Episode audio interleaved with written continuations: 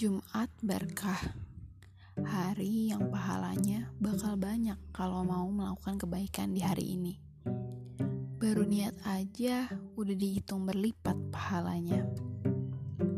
Hari suci juga hari akhirnya sebuah zaman. Hari terakhir buat berkesempatan baca Al-Kahfi Hari yang perlu dimanfaatin untuk banyak berbenah diri meskipun tak terlihat perbedaannya dari hari ke hari.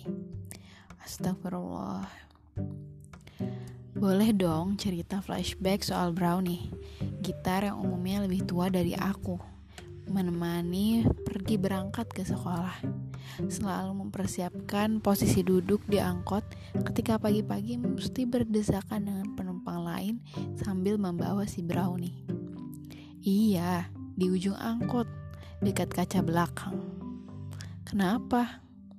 Karena menurutku di situlah Brownie gak bisa membuat penumpang lain kesal dibuatnya karena sempit. Ada aku dan Brownie memang akan mempersempit ruang di dalam angkot.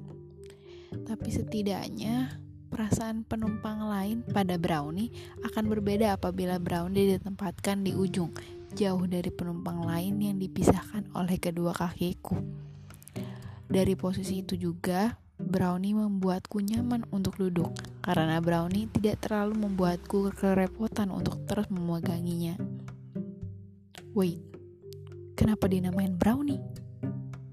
Karena warnanya coklat dan ketika ngeliat serta maininnya kayak lagi dikeliling kue cookies hangat dan boneka beruang coklat. Hmm, random thought ya. Penamaan brownie tentu bukan berarti menambah kecintaan kepada benda mati.